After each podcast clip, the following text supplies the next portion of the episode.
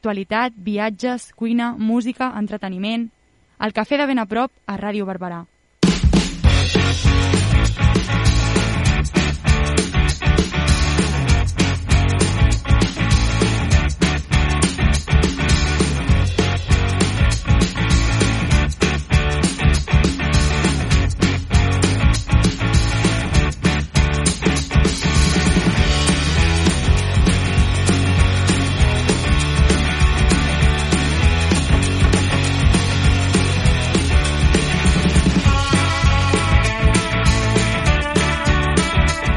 Molt bon dia, dimarts eh, 27 de juliol de 2021. Benvinguts, benvingudes, amigues i amics de Ràdio Barberà al Cafè de ben a prop.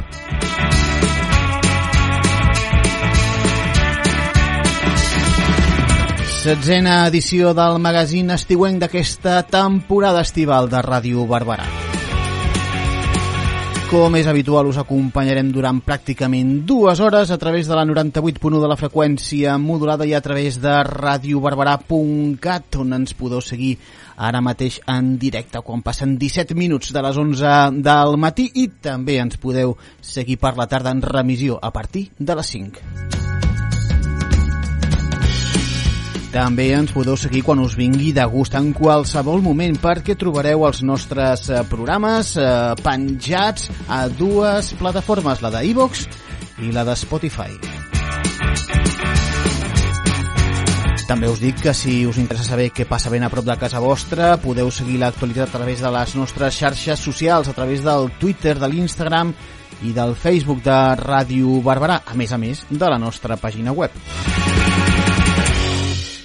Doncs bé, ja estem a punt, a punt, a punt, tots eh, preparats, tots ben predisposats a acompanyar-vos durant aquestes pràcticament dues hores, fins una del migdia, en aquesta nova edició del Cafè de Ben a prop. Ja sabem, ja sabeu que aquesta setmana som una miqueta menys, però amb la mateixa alegria, o potser una miqueta més. Uh, us saludem l'Alba González de la producció i la locució us saludo jo, el Jordi Martín, i també us saluda l'Òscar Blanco. Òscar, molt bon dia. Hola, molt bon dia, Jordi. Com va tot? Bé, molt bé. Jo crec que ara que deies això, crec que és una setmana més alegre de l'any, no? La que tens les vacances davant. Sí, la oi? més trista és quan tornes, però Uf. és de les més alegres, segurament. Sí, sí, no, no em parlis de la, del, del setembre. No, no, no vulguis ara... Pot ser de les que fan llargues de vegades també, però és alegre, és alegre. És alegre, és alegre. Doncs eh, sí, és una alegre i es fa llarga. Encara som a dimarts, encara som a dimarts. Quina ràbia. En fi, s'està fent etern, sí, això. Però bueno, tot arribarà a bon port. Segur, segur que d'aquí pocs dies podem gaudir d'unes vacances que crec que ens ens les hem merescut, eh, Òscar? Crec que sí, eh? Sí, tothom en mereix les vacances. Crec que sí.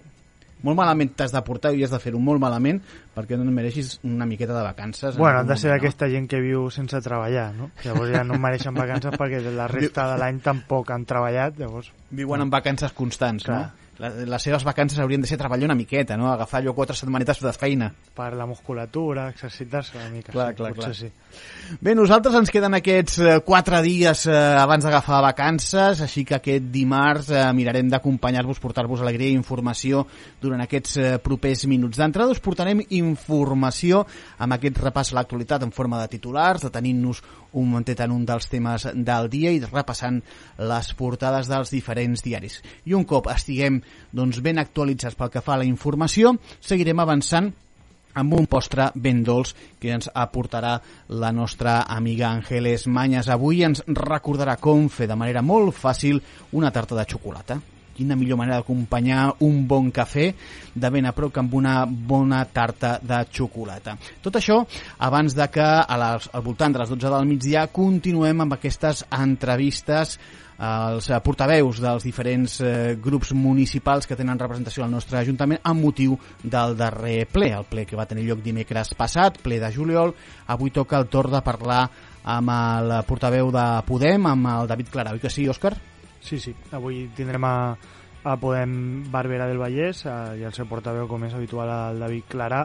i continuarem repassant aquesta sessió ordinària del ple de juliol i aprofitant també una mica per veure com encara al final de des dels diferents grups municipals. Molt bé, doncs després de parlar amb el David Clarà, el que farem tenir, serà tenir aquestes lectures de la Rafi per després acabar de fer eh, aquesta repercussió d'aquests reportatges que han fet els alumnes de quart de l'Institut Bitàcola al voltant de la Revolució Francesa, al voltant de les revolucions del segle XIX, aquesta feina que els ha servit per aprendre coses d'aquesta època de la història i que ens serveix doncs, per fer per fer una miqueta de coneixement d'aquests alumnes de l'Institut Bitàcola. Escoltarem avui el quart capítol d'aquestes col·laboracions que han fet els alumnes de l'Institut Bitàcola. I si tenim una miqueta de temps, espero que sí, avui puguem tenir una nova cançó de l'estiu que ens porti l'Alba González. Tot això, doncs, a partir de ja mateix, Òscar, ens posem en marxa, no? Sí, arrenquem, va. Vinga, arrenquem. El Cafè de Ben a prop, el magazín d'estiu de Ràdio Barberà. I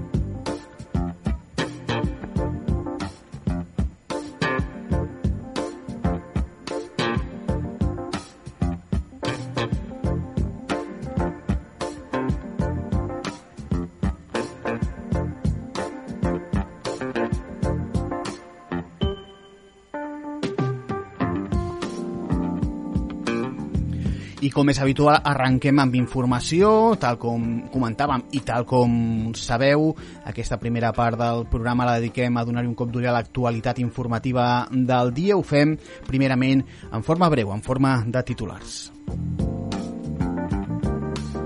Espanya es troba en una situació paradoxal respecte a la pandèmia. És el país europeu amb més contagis per la cinquena onada i a la vegada encapçala també el rànquing de vacunació. El 65% de la població té com a mínim una dosi i s'ha superat per primer cop al Regne Unit, que havia estat fins ara el país més ràpid vacunant. A Catalunya els contagis cauen al 60% de comarques i al 74% de ciutats. Malgrat els descens de la incidència, els hospitals estan en estat crític. Superen els 500 pacients a l'UCI i els 2.200 ingressats. Salut no preveu que la pressió a la UCI comenci a afluixar fins ben entrat al mes d'agost. Estabilitzat l'incendi de la Conca de Barberà i la Noia, les hores més crítiques ja han quedat enrere i les poblacions de Sant Martí de Tous i Santa Maria de Miralles deixen d'estar confinades. Els bombers continuaran remullant els punts calents per evitar que el foc revifi. El director de teatre de Vic, acusat d'abusos, dimiteix de l'Associació d'Actors i Directors. Toni Font, que ha impartit classes en diversos teatres i equipaments d'Osona, era fins avui el secretari de Cultura de l'entitat. Una quinzena d'alumnes han denunciat abusos sexuals en un reportatge del diari Ara. El Tribunal Superior de Justícia de Catalunya rebaixa de 31 a 22 anys la pena del principal acusat per la violació múltiple a Sabadell. Deixa de ser considerat cooperador necessari de les relacions sexuals per ser còmplice. Els principals agressors no van ser detinguts, un va fugir i l'altre no ha sigut identificat. Els Mossos detenen nou membres del sindicat d'habitatge de Cassoles, al barri barceloní de Sarrià. La policia acusa els activistes de temptativa de robatori, mentre que el col·lectiu assegura que intentava impedir un desnonament. Els activistes van passar per la comissària de les Corts i van ser alliberats al vespre. Inspecció de Treball vigilarà 137.000 empreses per assegurar-se que hi ha mesures de protecció per la plantilla contra la calor. La ministra Yolanda Díaz ha presentat una campanya específica contra el risc del cop de calor que inclou tramitar urgentment les denúncies per a aquest tipus d'abús laboral. Preocupen especialment el camp i la construcció.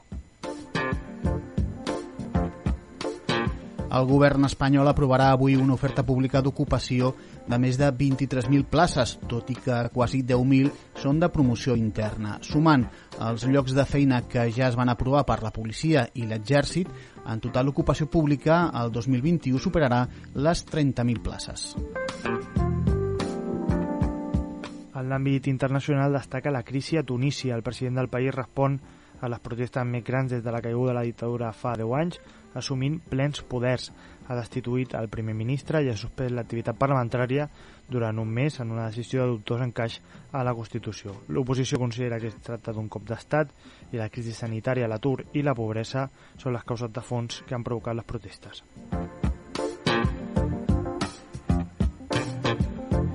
I com a mínim 57 migrants han mort a un naufragi a la costa de Líbia.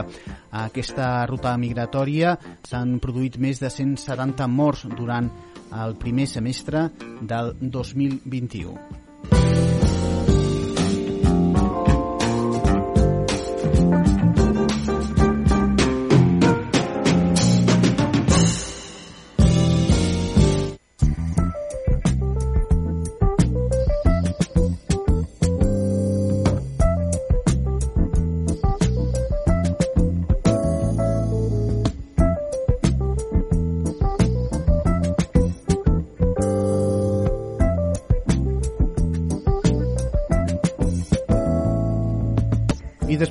Aquest eh, repàs en forma breu a les eh, principals notícies d'aquest dimarts eh, 27 de juliol de 2021, ens atunem en una d'elles per ampliar-la una miqueta més. I avui el tema del dia són aquestes inspeccions que el Ministeri de Treball ha activat a 135.000 empreses per prevenir el risc dels cops de calor. La ministra Yolanda Díaz va explicar ahir que la inspecció de treball iniciarà aquest mes d'agost una campanya específica per prevenir els cops de calor a les empreses. El primer pas serà enviar aquesta setmana de forma preliminar un total de 135.000 cartes informatives a empreses de sectors amb més risc d'aquests cops tèrmics, principalment de la construcció i del camp. La voluntat de la campanya és intensificar els treballs de prevenció per evitar víctimes de cops de calor durant el que queda d'estiu. Segons la data del 2019, la darrera disponibles, a Espanya va haver-hi 247 accidents de treball en tot l'any vinculats a efectes de temperatures extremes. La prevenció en matèria de temperatures extremes ja està incorporada en les qüestions que revisen gairebé 2.000 inspectors i subinspectors eh, disponibles, però des de treball pretenen donar-li una atenció especial durant el pròxim mes. Per aquest motiu, les denúncies rebudes en aquesta matèria rebran el caràcter d'urgents per actuar més ràpid. Abans d'haver de sancionar, Díaz pretén sensibilitzar els empresaris de les seves obligacions i també els treballadors sobre els drets que tenen amb aquesta campanya. Per aquest motiu ha recordat el cas de Leazar Blandón, que va morir d'un cop de calor l'estiu passat mentre treballava com a temporer a la campanya de la fruita a Lorca, Múrcia.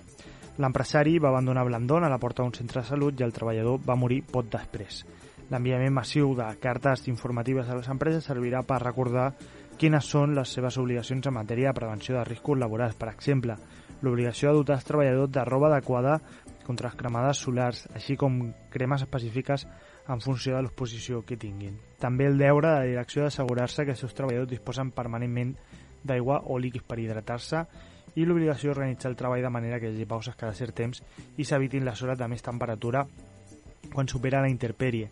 A més de l'enviament de cartes a les empreses amb risc de patir cops de calor, la campanya inclou actuacions específiques en matèria de treball irregular i temporal. Es reforçaran els controls en casos on els treballadors no disposen de la garantia mínima sovint. Fins ara els sectors com el camp i la construcció són més han transcendit casos de treballadors en condicions que vulneren els estàndards de prevenció mínims. Els inspectors se centraran també en les empreses de treball temporal. Les sancions per a empreses que incompleixin les seves obligacions en matèria de prevenció de riscos laborals poden ser tipificades com a faltes greus o molt greus. Les infraccions greus poden suposar multes d'entre 2.000 i 40.000 euros, mentre que les molt greus van dels 40.000 euros fins als 820.000 euros. Els inspectors decideixen la gravetat i la quantia de la sanció depenent de com de perillosa sigui la situació a la qual s'exposen els treballadors, si és recurrent, si s'ha produït també en altres ocasions, la gravetat dels danys eh, produïts i també el nombre de persones afectades, entre altres factors. Un dels límits estructurals d'aquesta campanya i en general de les actuacions d'inspecció de treball és que hi ha 2.000 inspectors i subinspectors que han de tenir cura de les condicions de més de 19,5 milions de treballadors a tot Espanya.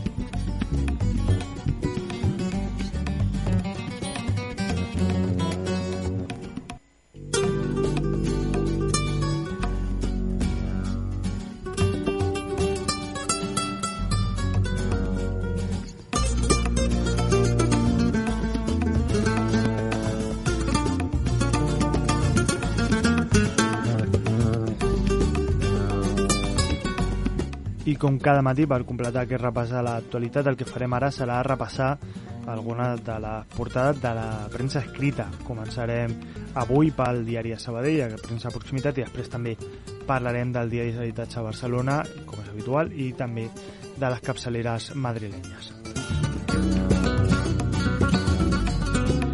Doncs efectivament, abans d'entrar en el que diuen els diaris editats a Barcelona, aquí a Catalunya, que parlen d'incendis, de la Covid, de la medalla de bronze aconseguida per Espanya i de Tunísia i de les de Madrid, que parlen, entre altres coses, de la relació Vox-PP, d'aquesta medalla olímpica i de Tunísia, doncs anem al diari de Sabadell que parla d'altres temes. Sobre la seva primera plana, parlant de robatori a l'art tèxtil sostreuen peces de l'última màquina que resta a l'antiga fàbrica, propietat de l'Ajuntament. També destaca que l'oposició demana informació i transparència al govern entre acusacions de negligència. La imatge de la portada, però, és per la entrada a la façana del Teatre del Sol. El titular final abrupte per al Teatre del Sol. El seu president, Josep Garrido, anuncia que no reprendran l'activitat tot i la rehabilitació de l'edifici.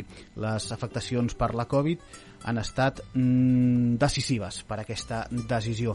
Això remarca el diari de Sabadell en aquesta primera plana que també té tres informacions més a peu de pàgina, dos en l'àmbit de ciutat, una altra en àmbit esportiu. La primera parla de que els terrenys ocupats a Cifuentes podrien ser 26.000 metres quadrats de nou habitatge. El segon tema parla de que el Tribunal Superior de Justícia de Catalunya rebaixa la pena per l'autor de la violació múltiple de Sabadell i per últim en l'àmbit esportiu diu que Jacobo González és el primer a reforçar l'atac del centre d'esport Sabadell.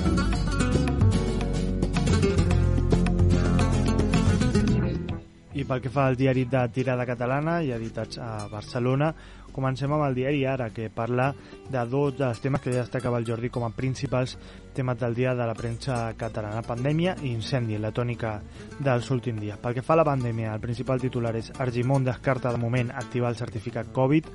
El conseller admet que el govern se plantejarà i adverteix que cal vigilar que no sigui discriminatori i expliquen que Galícia i les Canàries, com França, Portugal i Itàlia, ja l'exigeixen per entrar als bars i restaurants. I pel que fa a l'incendi, que ara ja està estabilitzat i enviat d'estar completament controlat, parlant amb una persona que va sobreviure a les flames eh, de molt a prop i aïllat a la masia on va néixer fa 81 anys, que és un veí anomenat Jaume Soler. Destaquen les seves declaracions, vaig tancar portes i finestres i em vaig quedar envoltat pel foc.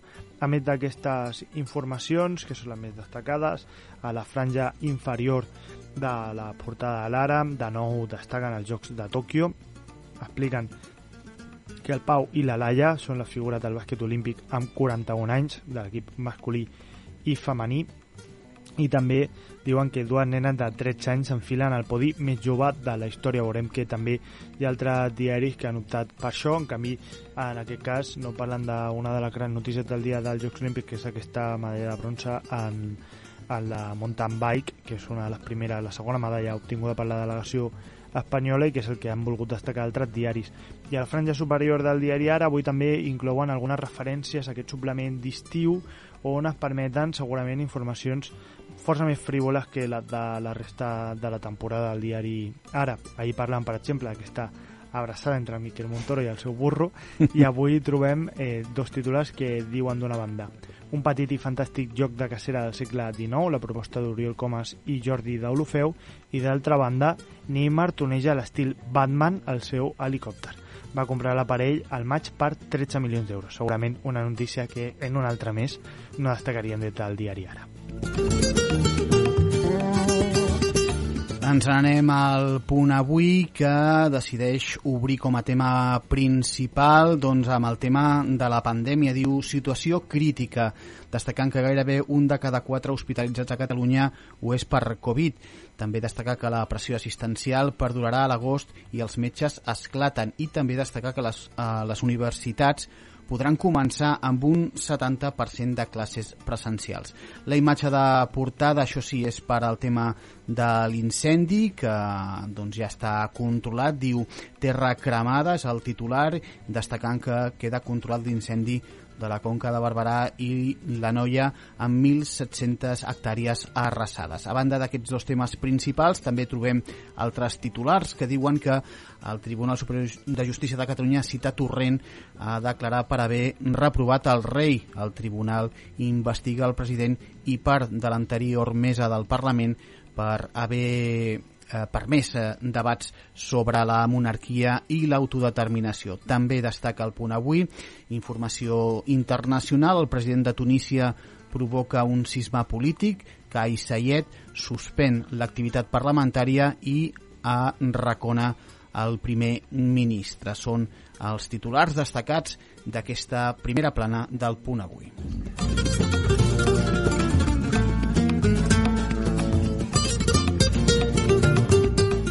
A l'avantguàrdia és la primera de les portades on trobarem un dels protagonistes gràfics del dia. Veurem que també el destaquen al País del Mundo després, que és David Valero, que va aconseguir aquesta segona medalla de la delegació espanyola als Jocs Olímpics en la prova de bicicleta de muntanya. Apareix en el moment de la seva arribada a meta amb els dos braços aixecats i molt fan que es nota que és la categoria de bicicleta de muntanya i no la de ruta.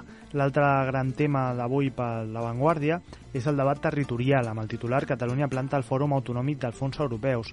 Aragonès s'aferra al tracte bilateral i evita la conferència de presidents i el govern central afronta la pugna de les comunitats pel finançament també destaquen com una qüestió dins d'aquest mateix espai del debat territorial aquesta citació a Roger Roger Torrent per part del Tribunal Superior de Justícia de Catalunya per desobediència al Tribunal Constitucional. La pandèmia també ocupa un espai a la portada de l'avantguàrdia, els contagis baixen però trigarà una setmana a notar-se als hospitals, només el grup d'edat de més de 70 anys mantenen un augment de casos, expliquen des del diari, que també inclouen, com feia el punt avui, la informació internacional referent a la situació de Tunísia, que enterra la seva primavera amb una crisi política, social i sanitària. Diuen des del diari El Grup Godó que el president destitueix el govern i tanca el Parlament amb la Covid absolutament eh, disparada. Per fer-nos una idea, parlaven de que Tunísia és un país d'uns 11 milions d'habitants i que hi ha unes 200 morts diàries per coronavirus ara mateix.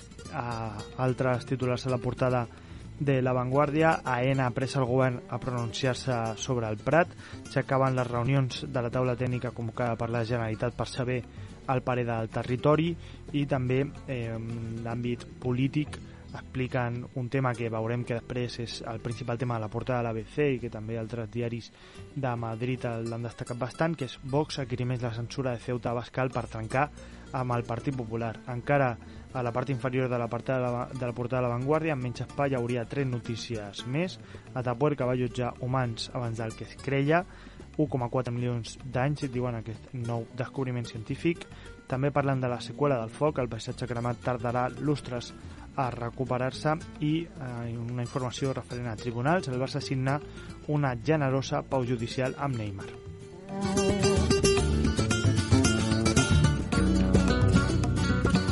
No sé si tenen a veure massa aquestes dues informacions sobre Neymar que, de les que n'has parlat. Ara a la Vanguardia parlaves d'això de que el Barça eh, signa una generosa pau judicial amb Neymar i parlaves també de l'helicòpter aquest que s'havia comprat i que batmanitzat no sé Sí, si una que cosa està l'helicòpter se'l va comprar al maig, no sé si ja comptava que tindria un extra, diguem. Un no extra. sé si es preocupa gaire per la seva economia domèstica Neymar. Jo crec que no té no, no ha de fer gaire mal no?, per arribar a final de mes, segurament. No acostuma a sortir Neymar eh, a les primeres planes dels diaris ja avui ha sortit eh, Ah, dues sí, sí. vegades. Eh, bé, continuem amb el periòdico que en la seva primera plana no parla de Neymar, no, no ho fa. Sí que té com a imatge doncs, les conseqüències d'aquest incendi d'aquests passats dies. El titular l'abandonament dels boscos alimenta els grans focs les conseqüències dels incendis del cap de setmana a Catalunya. Destaca el periòdico que la massa forestal ha augmentat en 300.000 hectàrees en 35 anys, mentre els cultius han retrocedit el 20%. També diu que la crisi climàtica propiciarà desastres més freqüents i violents. Més informacions, a banda d'aquesta principal imatge i titular de portada, la imatge és de les conseqüències d'aquest incendi eh, a un dels indrets on s'ha produït. Eh, altres titulars, els pressupost del 2022 suma 20.000 milions de la Unió Europea. El govern central inclourà una partida del Fons Europeu en els comptes que aprovarà avui. Més notícies que destaca el periòdico amb la seva portada. Barcelona redueix les sancions als petits infractors de pisos turístics. Les multes màximes baixaran dels 60.001 euros als 6.001. La notícia d'aquesta segona medalla aconseguida per Espanya ahir en els Jocs Olímpics de Tòquio, el ciclista David Valero guanya un bronze de fúria amb una gran remuntada. Val a dir que ja Espanya ha aconseguit tres de medalles després de la que ha aconseguit aquest mateix matí eh, Mayalen Corrout, eh, piragüisme, medalla de plata, tercera medalla de l'equip espanyol a Tòquio. I un darrer titular del eh, periòdico, el president de Tunísia suspèn el Parlament i s'atribueix plens poders.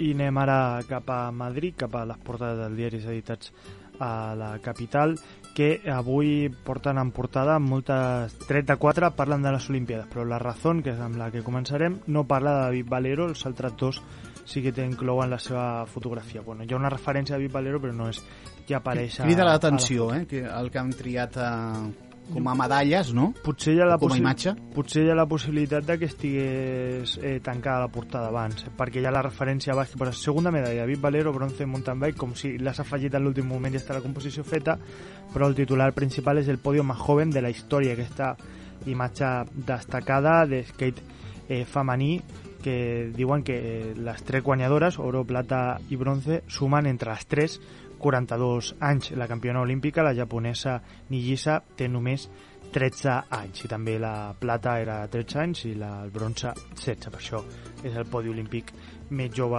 16 anys sembla l'anciana del, del pòdium, no? Sí, al 13, 13 i costat 16 de- sembla que sigui una veterana, segurament a ho sigui. ha Eh? ha acabat l'ESO. I l'altre principal titular de La Razón eh, al dedican a la política. Sánchez quiere dos conferencias anuales de presidentes autonómicos. El objetivo es fortalecer el órgano de cogobernanza a pesar del boicot permanente de Cataluña y el País Vasco. Y explican también que desde su creación en 2004 ha sido un encuentro inútil, digo de tal la razón, y ni siquiera se ha conseguido una periodicidad anual. La estabilidad de los gobiernos del Partido Popular en peligro por el órdago de Vox una otra de las titulares polítics de que está aportada la razón, las consecuencias de la abstención a la declaración de Abascal como persona non grata a Ceuta preocupan en Génova, diuen el gobierno quiere aprobar una oferta de 30.000 empleos públicos, es un altre tema, el SEP y la Seguridad Social se quedan con un menor refuerzo del esperado por los sindicatos i encara hi hauria dues notícies més a la raó, més enllà del suplement de la raó del verano, on de la reina Isabel, hi ha dos titulars informatius encara. El president asume todo el poder y compromete la democracia en Túnez, com també explicaban la resta diaris, y los ingresos de la SUCI española se han duplicado en los últimos 15 días.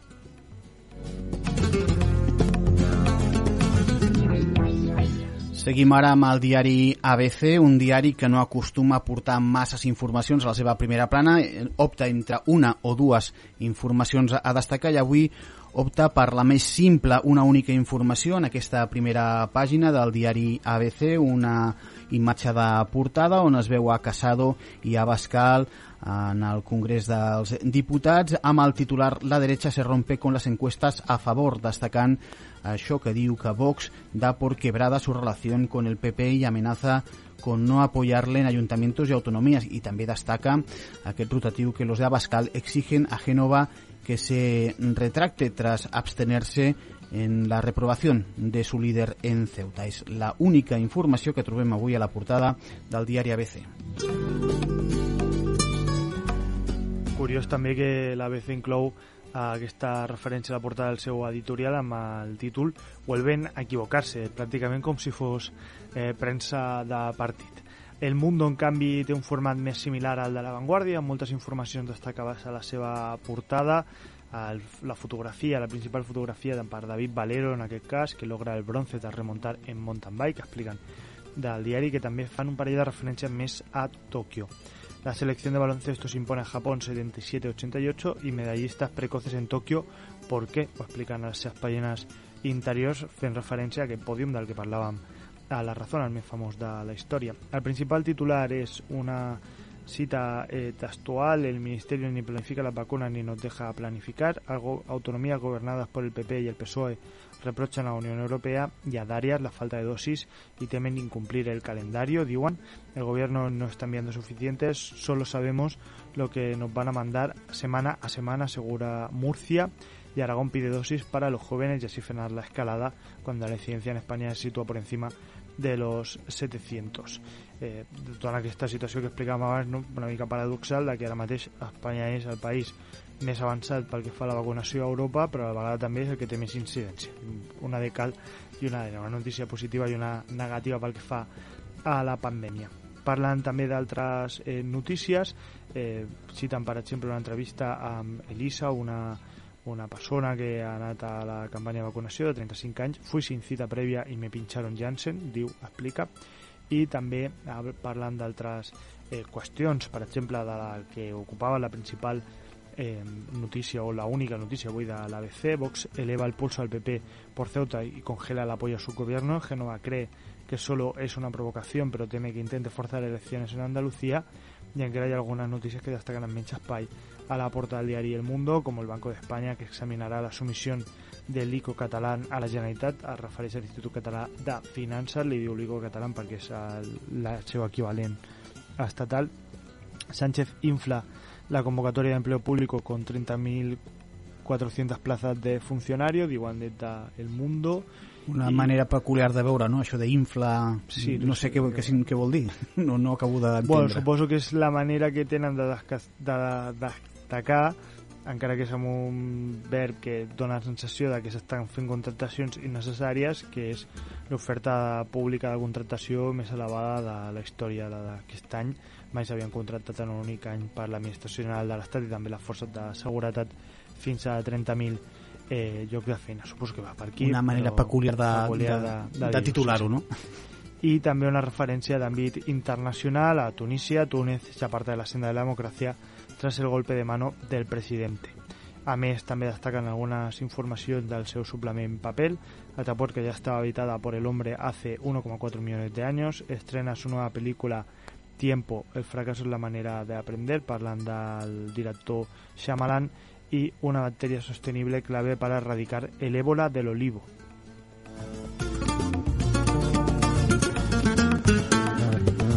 I acabem aquesta repassada a les portades dels diaris que podem trobar als eh, quioscos amb el diari El País. I deies fa un momentet, Òscar, que hi ha notícies positives i hi ha notícies negatives respecte a la pandèmia.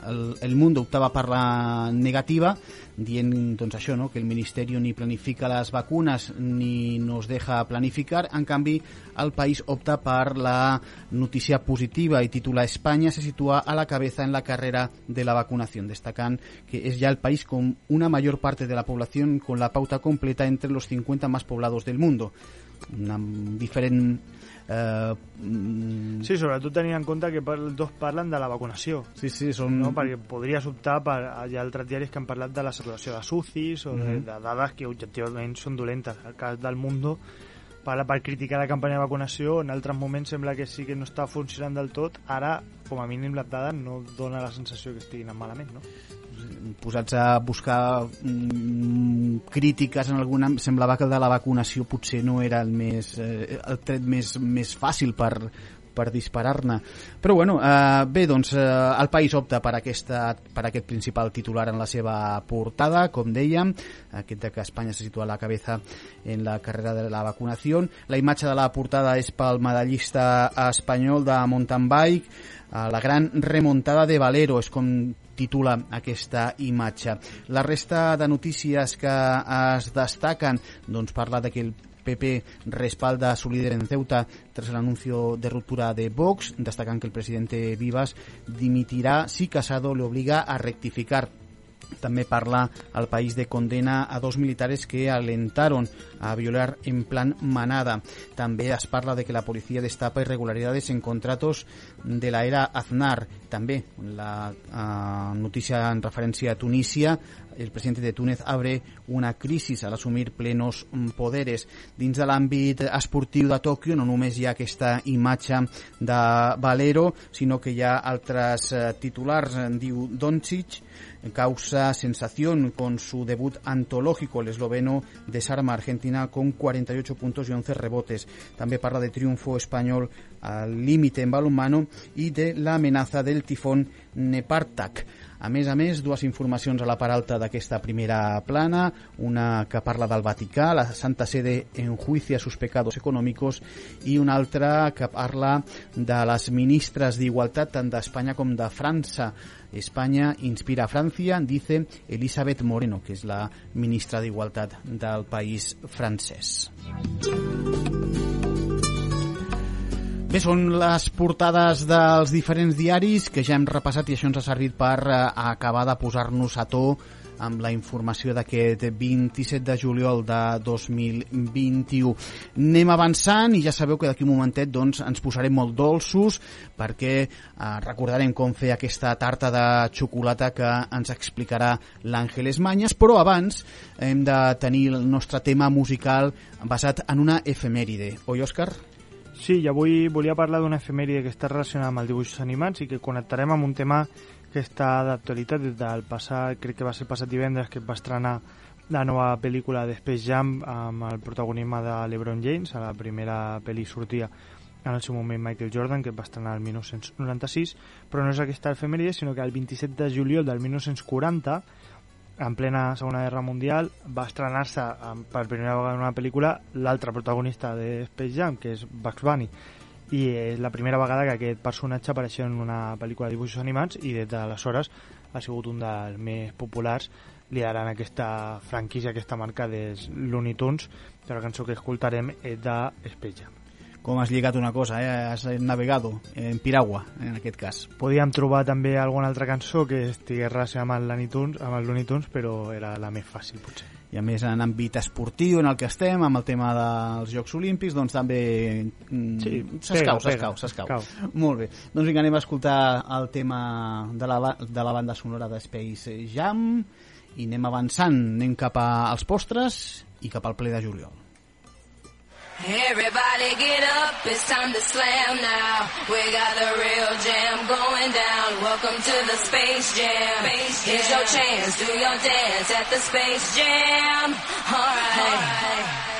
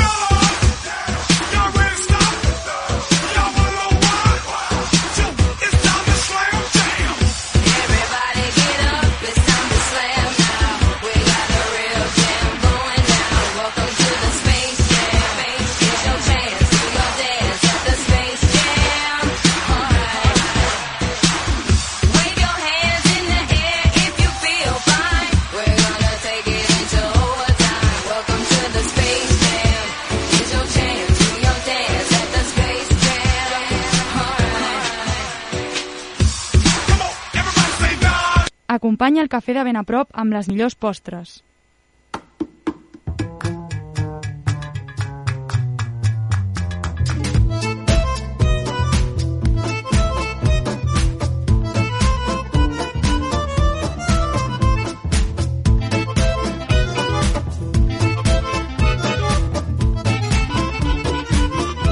Tarta de chocolate. Decoración, pues las fresas vamos a utilizar, Claro. o frambuesas, algo que sea fruto rojo, ya que va a ser una tarta de chocolate, pues vamos a utilizar después para la decoración fresas, frambuesas, incluso ahora empiezan a verse las cerezas, pero no pongáis cerezas que son carísimas. Vale. Vale, vamos a hacer esto y ya verás que es súper, súper fácil de, de hacer.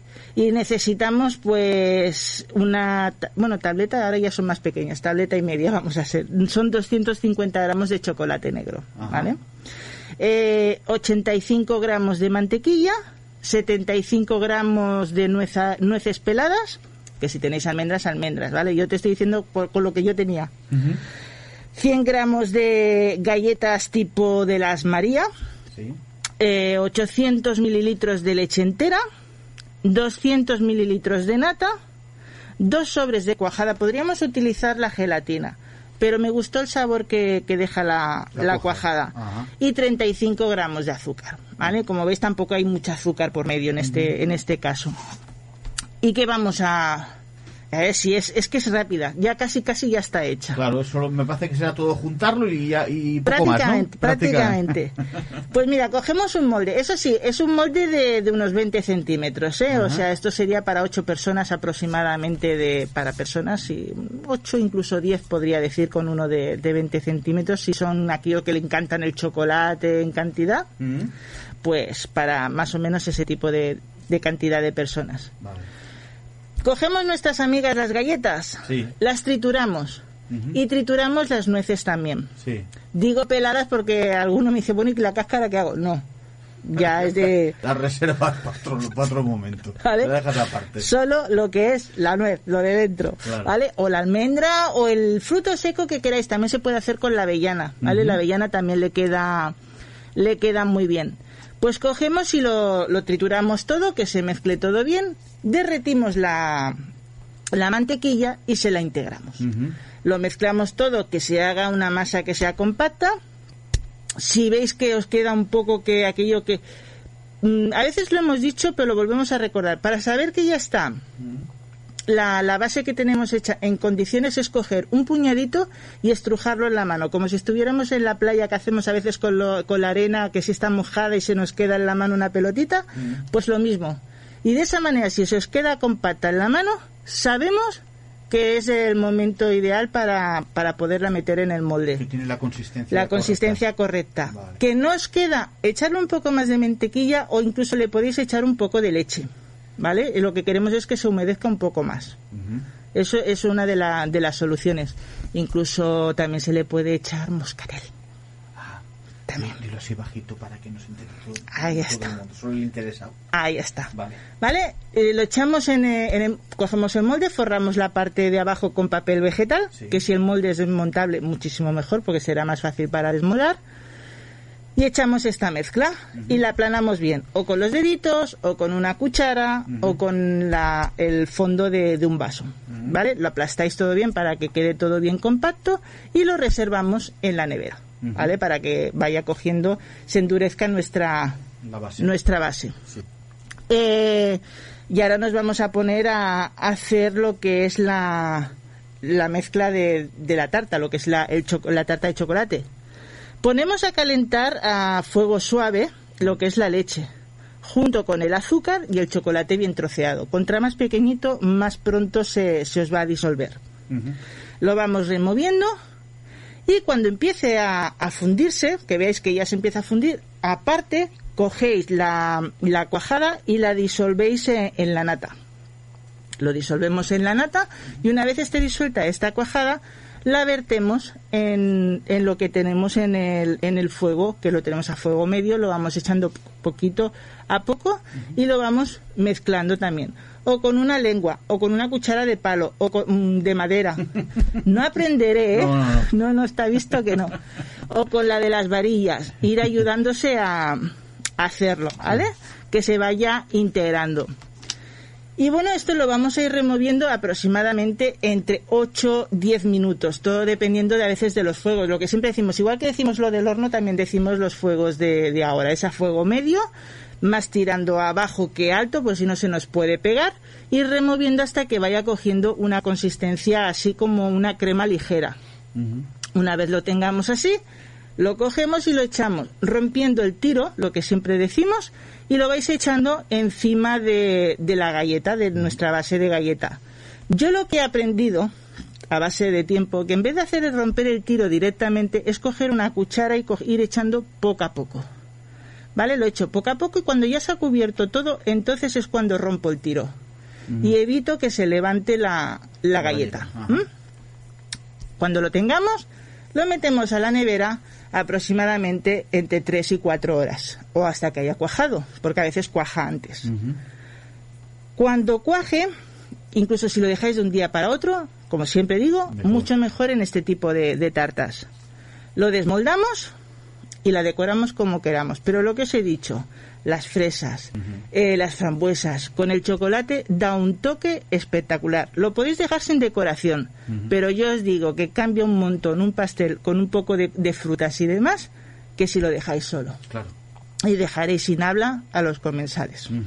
Eso os lo puedo- Llena. Os lo puedo garantizar. Muy bien, pues una tarta de chocolate sencilla, como, como suele ser habitual. Rica, rica, rica. Incluso Mm. decoraciones que yo las tengo cuando a veces hago postres, a veces me sobra chocolate. Mm. En vez de coger y desecharlo, lo que sea, cojo papel vegetal y hago figuras raras, o sea, hago geométricas o hago espirales o hago lo que sea y dejo que se enfríen. Mm. Después las meto en un tupper, en mi tiempo era una, una merendera, las meto ahí y las meto en el congelador. Y siempre las tengo para decorar. Claro. Cuando es el momento, pues sacas una del congelador, la pones con cuatro fresas y ya tienes la decoración hecha y no la tienes que hacer en el mismo momento. Claro, mira. Y tienes reservas para las decoraciones. Mira que muy bien, muy bien. ¿Has visto? Qué lista. Incluso puedes congelar fresas o frambuesas, tenerlas congeladas y cuando es el momento de decorar, las pones y ya está. Y ya está.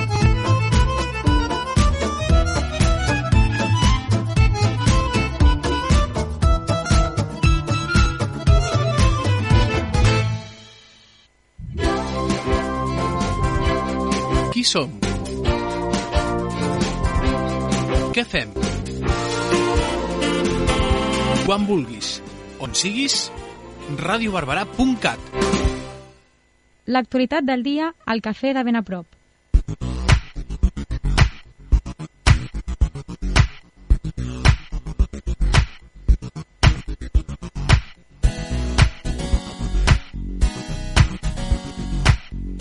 Com us avançàvem abans, al sumari, avui continuarem parlant de política municipal. Estem fent aquesta setmana un repàs amb els diferents grups de la sessió ordinària del juliol, en un format una mica diferent a l'habitual per a aquesta programació d'estiu, més breu i intentant eh, destacar les qüestions més importants del ple. Avui qui ens acompanyarà serà Podem Barberà i, com és habitual, el seu portaveu, en David Clara. Bon dia, David, i gràcies per atendre la nova Ràdio Barberà. Hola, bon dia. Un dels temes que, pel que volia preguntar i que crec que són del destacat del ple, tot i que no va votar res sobre aquesta qüestió, va sortir a l'inici del ple amb aquestes informacions que fan des d'alcaldia a presidència. L'alcalde Xavier Garcés explicava algunes qüestions de com va desenvolupar aquella explosió al transformador elèctric del bloc de Ronda Santa Maria 213 i quines actuacions s'han fet després. Què en penseu des de Podem Barberà d'aquesta situació i de- d'aquest nou inconvenient o nou problema en aquest bloc? Bueno, nosaltres ja fa temps que, que estem dient que s'ha de fer una actuació integral en aquell edifici i que al final jo crec que és prou evident que la situació doncs, eh, ha- s'ha escapat de les mans i per tant cal fer doncs, una actuació contundent que nosaltres pensem que passaria per desallotjar eh, l'edifici en el seu conjunt, reallotjar totes les famílies que tinguin un contracte de lloguer i especialment les famílies que són vulnerables eh, que nosaltres, de fet, ja vam deixar tota aquesta informació doncs, eh, quan va acabar la legislatura anterior en mans dels serveis socials perquè es pogués identificar quines de les famílies d'aquell edifici eren famílies en situació vulnerable, quines tenien contracte, etc etc. i per tant doncs ara ja per una qüestió de seguretat per les pròpies persones que, que viuen allà i pel conjunt del barri doncs s'ha d'actuar. Ja fa molt de temps que ho estem dient, eh, ho hem dit en les juntes de seguretat ciutadana a les que hem pogut assistir i, ja diem, eh, com es podria haver evitat això? Doncs probablement si en el seu moment ens haguessin escoltat i haguessin optat doncs, per adjudicar els habitatges directament des de l'Ajuntament. Quan nosaltres vam entrar el 2015 al govern hi havia 22 habitatges buits, si en aquell moment s'haguessin adjudicat directament doncs, a famílies de Barberà que ho necessitessin, com van proposar, doncs, probablement no, no s'hauria donat aquesta situació d'ocupació massiva i no ens trobaríem com ens trobem. Però, vull dir, la realitat és la que és i, i ja diem, si no s'actua de forma ràpida i aquí, doncs, eh, per una banda s'ha de garantir el dret a l'habitatge, això ho tenim claríssim, però per altra banda també hem de ser capaços de garantir doncs, la seguretat de les pròpies persones que viuen en aquell edifici tenint en compte sobretot que també hi ha menors i si, persones en situacions vulnerables i del conjunt del barri. Mm. Un altre dels temes que ha generat força davant les darreres setmanes entre la ciutadania que va generar moltes queixes veïnals són els incidents d'incivisme que van produir durant la festa major. També van sortir en el ple, en aquest cas diria que en el torn de pregs i preguntes és quan es va tractar aquesta qüestió. Especialment va haver-hi incidents importants a Can Serra divendres i també la nit de dissabte a diumenge al Parc Central del Vallès, fins i tot amb algunes actuacions eh, policials. De Podem, no sé quina valoració feu de com s'ha gestionat aquesta situació i també de, dels incidents que s'han produït. Doncs, home, la valoració que fem és que hi ha hagut una falta de previsió, però, però ja dic que això no és culpa de la, de la policia local, ni de Mossos d'Esquadra, jo crec que ni dels propis joves que van sortir aquell dia doncs, de, de festa major. Jo crec que si al final es planteja un format de festa major en el que es fan concerts, en el que es fan activitats per joves i en que en aquestes activitats al final tenen una hora de finalització sense que tu donis una alternativa d'oci més enllà d'això, doncs jo crec que era prou evident que passaria. Ja vam dir en el seu moment que ens semblava més raonable doncs, eh, oferir un espai d'oci jove controlat. Es podien haver fet perfectament doncs, les barraques de l'espai jove amb una limitació d'aforament, amb un control d'entrades i de sortides i d'una manera controlada, i segurament ens haguéssim estalviat això, perquè doncs, evidentment tota la, tot el jovent que, que porta molts mesos que no pot sortir, que porta molts mesos doncs, que no pot eh, realitzar les seves activitats d'oci habituals en ple estiu i que surten d'un concert doncs, eh, jove, doncs, evidentment molts d'ells i d'elles volen continuar. Per tant, ja dic que eh, la, la situació que es va produir jo crec que va ser un desastre per tots, tant per la ciutat com per, la, per les pròpies actuacions de la policia local, que hi va haver moments en què estaven totalment desbordats i desbordades perquè no s'esperaven allò, però jo crec que hi ha d'haver una previsió ja per part del govern que això pot passar. I llavors eh, el que dèiem era, si, si fem una festa major, o la fem bé, o, o fer-la mitja, que és el que es va fer, doncs jo crec que al final l'experiment no ha sortit bé, perquè hi ha hagut activitats doncs, que bueno, doncs, han tingut eh, èxit relatiu, altres sí que s'han omplert, però al final tu no has, ofert una, no has donat una oferta d'oci més enllà de les quatre activitats que feien, que acabaven a les 12, i hem de recordar que en aquell moment, quan es va celebrar la festa major d'aquest any, no hi havia eh, el tot de queda ni el confinament nocturn, per tant, doncs, jo crec que era prou evident que la gent sortiria i tant de bo s'hagués plantejat un dispositiu amb més sentit comú, ja dic, fent una previsió de que això podia passar, que bàsicament era oferir un espai d'oci controlat, sapiguem doncs, que hi haurà un sector de la població de Barberà i fins i tot de, de fora de Barberà, com va passar entre els 18 i els 25 anys, doncs que aquella nit sortiria. Ja dic, que jo quan, quan al final són coses que, que, que tu saps que poden passar, penso que és millor acceptar-ho i oferir un, un espai controlat per l'oci que no doncs, deixar que la gent doncs, eh, bueno, surti com va passar, de manera incontrolada i després et trobis en un moment que no puguis controlar la situació. Mm. Aquestes dues qüestions, com comentava, van aparèixer al ple, però no va haver-hi decisions de l'Ajuntament sobre aquest tema, simplement van ser qüestions sobre les que va informar o va debatre. Del que sí que va haver-hi un punt que va aprovar va ser un dels principals contractes que té l'Ajuntament externalitzat, com és el del servei d'atenció domiciliària, que ja havia sortit en plens anteriors, especialment des del vostre grup, que va presentar una moció eh, denunciant la, la repressió a la secció sindical de la CGT en aquest servei i el que va aprovar va ser la pròrroga d'aquest contracte amb Accés Social, l'empresa que s'encarrega actualment del servei i Podem precisament va ser l'únic grup que va votar en contra d'aquesta pròrroga, la, la resta de grups van votar a favor. Plantejàveu ha també potser diferències bastant grans d'apreciacions entre vosaltres i l'equip del govern sobre com està funcionant el servei, no? perquè des de l'equip del govern es destacava que, que no hi ha hagut incidències o que no hi ha problemes a la prestació del servei. Sí, tot depèn de l'òptica en què tu miris doncs, eh, com s'executa el servei. És a dir, eh, que el servei funciona, que s'està tenint a les persones doncs, que tenen aquest servei contractat és evident, però clar, també has de valorar si l'empresa està respectant les clàusules que hi ha al contracte, has de valorar si l'empresa està complint amb les seves obligacions laborals envers els treballadors i treballadores, has d'assegurar-te també doncs, que les persones i les cuidadores que, que desempenyen aquest servei estiguin doncs, degudament protegides i vacunades i tot això l'empresa no ho ha complert. Llavors es pot intentar justificar l'injustificable, però el que sabem és que la, la realitat de Barberà és que hi ha hagut un sindicat que ha rebut una sanció per part de l'Ajuntament doncs, per denunciar la seva situació i per denunciar que van estar molts mesos sense vacunar i, en canvi, una empresa privada doncs, que desenvolupa un servei i que ha incomplit sistemàticament incomplert sistemàticament els plecs de condicions, com pot ser pel que fa doncs, a, a proporcionar material de protecció a les treballadores, aquesta empresa no, no se la multa i no només no se la multa ni se la sanciona ni se li fan inspeccions, que sinó que se li renova doncs, automàticament el contracte sense ni tan sols obrir un debat sobre si aquest eh, model d'empresa de, està funcionant o no. Ja dic que tu et pots basar doncs, en això, que, que al final quan algú vol contractar el SAT el pot contractar, sí, que les treballadores estan fent la seva feina cada dia, també, que l'empresa no està complint amb gran part dels plecs de condicions, doncs també. El que passa que ja dic, al final és una qüestió de prioritats. Si tu al final prioritzes que sigui un servei que tu com a Ajuntament no et doni problemes perquè no hi hagi masses queixes usuàries, que això al final és gràcies a la feina que estan fent eh, les cuidadores, doncs molt bé, però si tu realment com a Ajuntament et preocupes de que aquest servei i aquesta empresa compleixi amb el que tu has posat en un contracte, doncs aquí no, no s'està complint. Aquesta és la nostra opinió, més enllà dels informes tècnics que s'hagin pogut fer i per això vam votar en contra.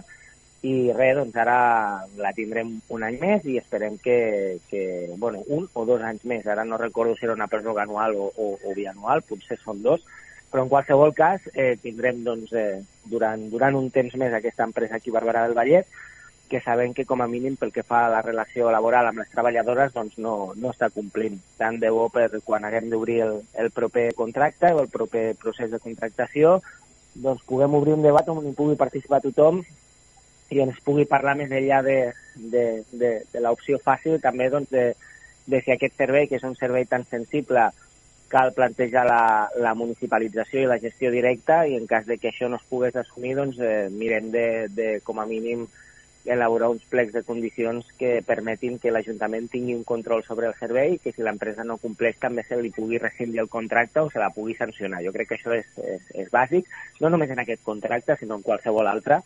Al final són molts, molts diners que van del sector públic cap al sector privat, és a dir, que són diners d'impostos eh, de tots i totes les veïnes d'aquí de Barberà que acaben formant part doncs, d'un doncs, compte de beneficis privat, d'una empresa privada, i això ha de tenir un control públic eh, molt, més, molt més rigorós del que tenim ara. Mm. Aquesta pròrroga era, era anual, així que l'eminent segurament ja tornarà a haver-hi una discussió sobre com s'ha de prestar aquest servei o la possibilitat de, de fer una nova contractació.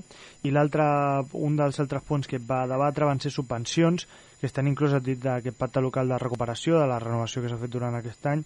En aquest cas es van fer dos procediments, d'una banda convocar les, aquestes subvencions excepcionals per a entitats sense ànim de lucre i també un, un pas més per les subvencions als comerços durant aquest 2021. Eh, Què en penseu de Podem Barbera d'aquesta qüestió? Doncs mira, igual que som crítics quan toca, en, en aquest cas doncs, creiem que és una molt, molt bona notícia i una molt bona feina que s'ha fet des de l'Ajuntament, des del govern, des del conjunt dels grups eh, representats a l'Ajuntament, perquè això sí que és una feina que ve fruit del Pacte de Reconstrucció Social i Econòmica de, de Barberà del Vallès i sobretot doncs, gràcies també a tota la part tècnica que aquí sí sabem que estat treballant doncs, contra rellotge per poder tirar endavant aquesta, aquestes subvencions que doncs, hi ha moltes entitats i molts comerços a Barberà ara mateix que depenen doncs, d'aquests de, petits ajuts per poder tirar endavant. Ja ho hem dit moltes vegades, però s'ha de recordar sempre, la crisi sanitària doncs, sí, ha donat, però també ha generat una crisi social i econòmica doncs, molt important i ha provocat que més enllà de, de, de la crisi sanitària doncs, hi hagi comerços, hi hagi petits autònoms, hi hagi petites empreses o fins i tot entitats que porten molts anys doncs, treballant a, pel municipi sense cap mena de- d'ànim de, de lucre o de benefici personal doncs, que han vist afectada la seva activitat i, per tant, han vist una caiguda dels seus ingressos. Eh, aquí és on toca que les administracions públiques estiguin atents i atentes i puguin tirar endavant i puguin donar suport directe doncs, a, a tot aquest teixit comercial i a les entitats de Barberà que ja diem, fan una feina que en molts casos doncs, estan suplint les pròpies mancances de la, de la pròpia administració pel que fa, doncs, no sé, per posar un exemple, a la protecció animal o pel que fa doncs, a donar suport a cuidadors i cuidadores de, de, de persones doncs, que tenen Alzheimer o tenim molts exemples de- d'entitats sense ànim de lucre a Barberà que fan una tasca desinteressada que tenen vies de finançament o d'autofinançament doncs, que implica haver de fer activitats a l'aire lliure o al carrer que no ho han pogut fer i que ara es troben doncs, que no tenen, no tenen capacitat per afrontar les despeses més bàsiques com l'assegurança, els seus locals o, o en general doncs, les despeses del dia a dia de la seva activitat. Per tant, si aquí doncs, eh, realment l'Ajuntament vol preservar tot aquest teixit associatiu, doncs és important que, que això tiri endavant i el més ràpid possible i amb el comerç igual. El comerç eh, a Barberà, al Vallès i el petit comerç en general ja fa anys que passa per situacions complexes, és a dir, que doncs, eh, davant de, de, de l'aparició del comerç electrònic, no? de plataformes com Amazon o, de, o de, al final doncs, a Barberà al Vallès tenim un centre comercial també que proposa models de comerç pues, bastant diferents al que podien tenir en un petit comerç de, al detall i de proximitat i bueno, doncs ja, jo crec que ja fa molts eh, de temps que venen arrossegant eh, en alguns casos penúries econòmiques o que la seva activitat es fa molt difícil, doncs amb la, amb la pandèmia i les restriccions ha sigut ja l'estoc a la final. Per tant, aquí també, si realment ens creiem això de, del comerç de proximitat, de l'atenció al detall, que al final doncs, la majoria de comerços de Barberà doncs els porten, els tiren endavant veïns i veïnes, que són els que contracten a la seva vegada doncs, també més veïns i veïnes aquí de Barberà i en unes condicions normalment d'estabilitat laboral i, i millors de les que es poden oferir grans empreses, doncs això també ho hem de preservar des de, des de l'Ajuntament i per tant doncs, eh, aquest ajut, que no, que no serà massa gran, que crec que està limitat a 500 euros, però que segurament doncs, eh, bueno, serà, serà una ajuda més perquè aquests petits negocis puguin continuar tirant, tirant endavant i donant vida als carrers de Barberà. El ple de juny va parlar del bancs en relació sobretot a les comissions que cobren a l'Ajuntament i en aquest ple de juliol s'ha tornat a parlar en dues mocions. Una que presentaven des de la plataforma ciutadana per Barberà, precisament que parlava de les comissions bancàries i que es centrava després en, pel que fa als acords en transitar cap a la banca ètica, que era una proposta que fèieu de fet al ple de juny des del vostre grup, i també una moció que presentava la regidora escrita Sílvia Fuster per sol·licitar a les entitats financeres la millora del tracte a la ciutadania en general i a la gent gran en particular, que en aquest cas des de Podem vau abstenir en aquesta moció, l'altra va sortir endavant amb el vot favorable de la plataforma d'Esquerra i de Podem i l'extensió de la Sílvia Fuster de Ciutadans i del PSC. Bueno, sí, a, al final jo crec que tot aquest debat i el, el debat que es va donar en aquestes dues mocions és, és el mateix, no? Nosaltres és cert, i ho has dit, i, i, i és així, ja vam demanar fa molt de temps doncs, una transició cap a la banca ètica, perquè com a mínim, si algú ha de fer negoci doncs, amb, amb, amb, el, doncs, amb els diners que té l'Ajuntament en un compte bancari, preferim que sigui doncs, un model de banca ètica, que sabem doncs, que les operacions que tiri endavant l'Ajuntament de Barberà del Vallès eh, a través d'un compte banca ètica, sabem que aquesta banca farà servir al final aquells diners o, o, o, o aquesta capacitat econòmica que li doni doncs, tenir un contracte amb l'Ajuntament de Barberà per, per impulsar causes socials o per donar suport a petits projectes socials o a petits comerços, com parlàvem fa un moment. Per tant, això ja ho vam demanar fa molt de temps i al final dèiem, bueno, si tenim contractes amb l'Ajuntament de Barberà del Vallès, és a dir, l'Ajuntament té comptes amb el Banco Santander, amb el Banco Sabadell, amb, amb totes les grans entitats financeres tenim comptes, majoritàriament. I després ens trobem que aquestes mateixes entitats financeres acomiaden treballadors i treballadores, que en alguns casos són de Barberà. Ens trobem que aquestes entitats financeres eh, impulsen desnonaments també de gent de Barberà del Vallès i nosaltres continuem alimentant d'alguna manera tota aquesta maquinària doncs, obrint comptes bancaris. Això crec que, que, bueno, que és, és inacceptable i inassumible i per això proposàvem, doncs, entenent que, que és una transició que s'ha de fer a poc a poc i que no és fàcil, doncs que l'Ajuntament comencés a treballar amb entitats de banca ètica. Primer podem començar amb una part petita i segons com funcioni doncs anem, anem avançant en aquest sentit i que com a mínim, ja dic, no siguem còmplices, econòmicament parlant, doncs de, de, bueno, de totes aquestes injustícies que tiren dia a dia doncs, la banca. Les comissions bancàries són un exemple més, però que bueno, ara sembla que hem despertat perquè ens toca la butxaca amb una comissió, però això porta molts anys que, que ja passa. Podríem parlar de, de tots els abusos que hi va haver doncs, amb les hipoteques, en la crisi del 2008, podríem parlar de l'emissió de preferents i podríem parlar, doncs, de, bueno, jo crec que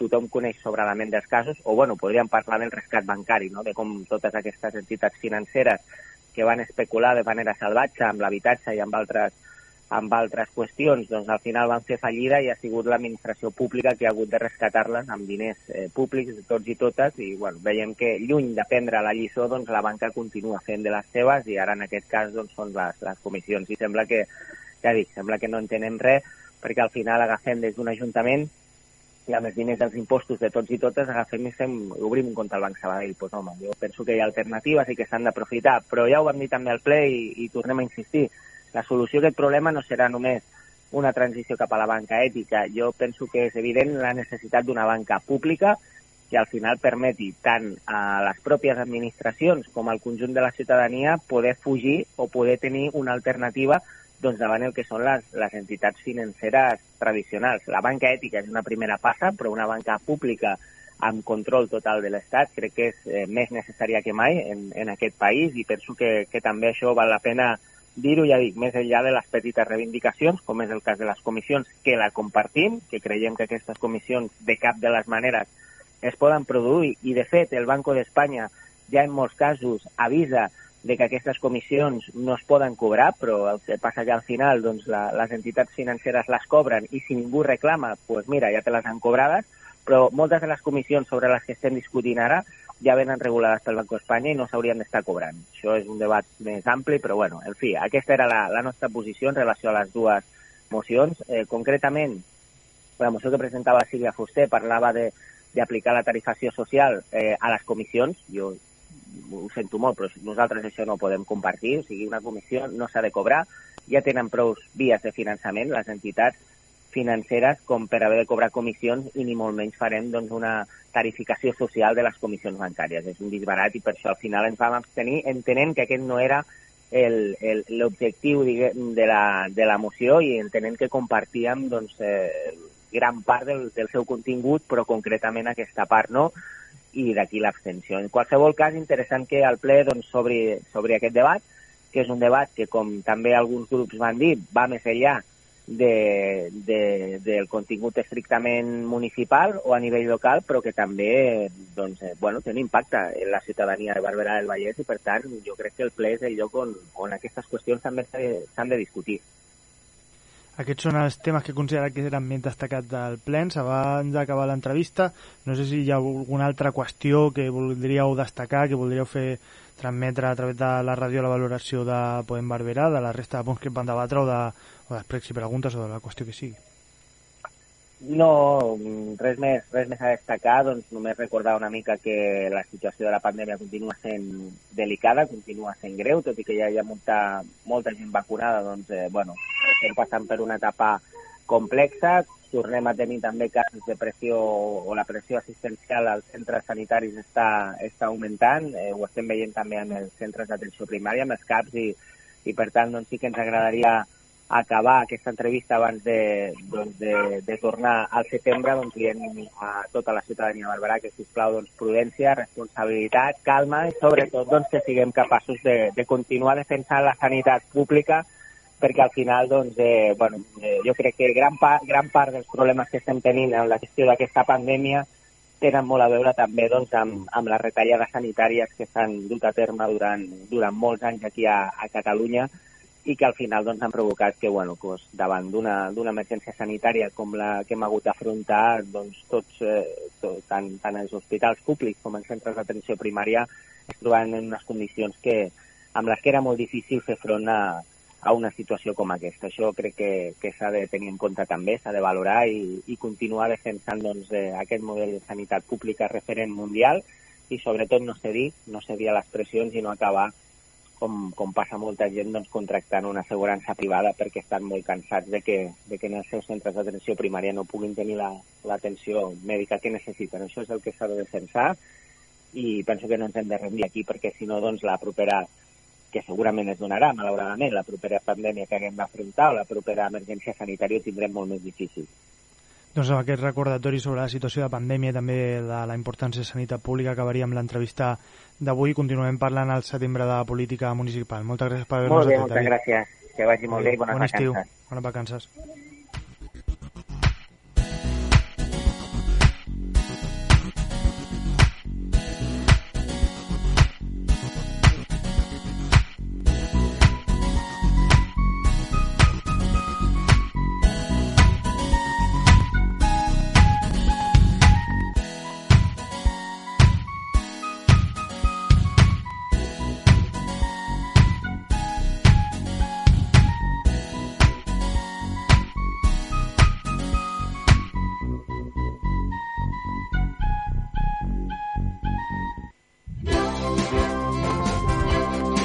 Som?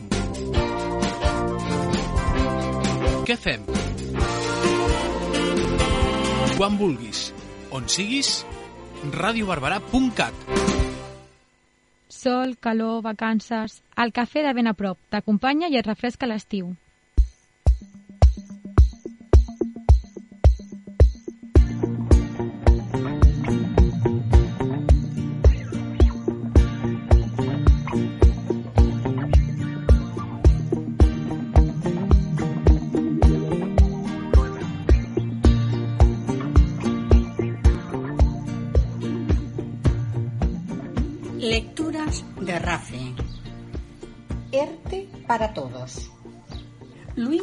Se levantó hacia las nueve. Se puso un chándal gris y una sudadera con capucha. Se acercó a la cocina. Milagro, su mujer, despeinada y en batín, le acercó una taza de café solo con mucho azúcar, como a él le gustaba. Llegaré a la hora de comer. dijo mientras salía por la puerta. Caminó despacio hasta su furgo, se metió en ella y se dirigió al centro, al Ministerio de Trabajo. Aparcó en un parking de los alrededores. Después de media hora larga de cola, le indicaron una ventanilla. Se acercó, tiró el palillo de dientes que llevaba en la boca y se dirigió a la mujer. Buenos días. Buenos días, le dice la mujer sin levantar la cabeza y tecleando ante el ordenador. Mire, yo venía a enterarme de cómo se hace eso de pedir un ERTE. Eh, ¿Usted tiene una empresa? No, sí, bueno, empresita. Somos tres socios, buena gente. Eh, y bueno, ¿a qué se dedican? Mm, Somos ladrones de profesión. ¿Qué? dijo la mujer gruesa tras el mostrador ajustándose las gafas. Fue como si despertara de golpe de la monotonía oficinesca de la mañana. Se enderezó en el asiento interesada. Mm, Mire usted, que somos ladrones, pero honrados, ¿eh? Nada de violencia. La mujer miró al hombre de mediana edad sentado frente a ella. Cincuenta años mal llevados, calvicie incipiente y grandes ojos oscuros. Luego miró a uno y a otro lado. Está de broma, ¿no? dijo apartándose la melena oscura detrás de la oreja. No, señora, nada de eso. Mire usted, nuestro gremio está en una situación muy difícil. La pandemia del COVID nos ha arruinado totalmente. Primero, porque nos han tenido encerrados más de tres meses. Y claro, con todo el mundo dentro de casa, a ver cómo íbamos a faenar algo si no dejaban el piso solo. Y ahora, desde que empezó la desescalada, tenemos que guardar la distancia social. Dos metros. Dígame usted cómo voy yo a robar una cartera. La mujer lo miró con cierta sorna y añadió Claro, claro. Y además con el poco turismo que hay, ¿verdad? Ah, esa es otra. Ahora uno no puede ni robar algo al descuido. Ni una maquinita de fotos, ni un móvil. Estamos desesperados, oiga. Por eso quiero acogerme a un ERTE. Tengo el mismo derecho, ¿no? La mujer mordió la punta del bolígrafo con una sonrisa entre pícara y divertida y se quedó pensando. ¿Qué? decía el hombre frotándose las manos nerviosamente. Mire, estoy pensando, continuó la mujer, lo suyo es un poco peliagudo, porque, claro, no tienen un sindicato reconocido. No, es verdad.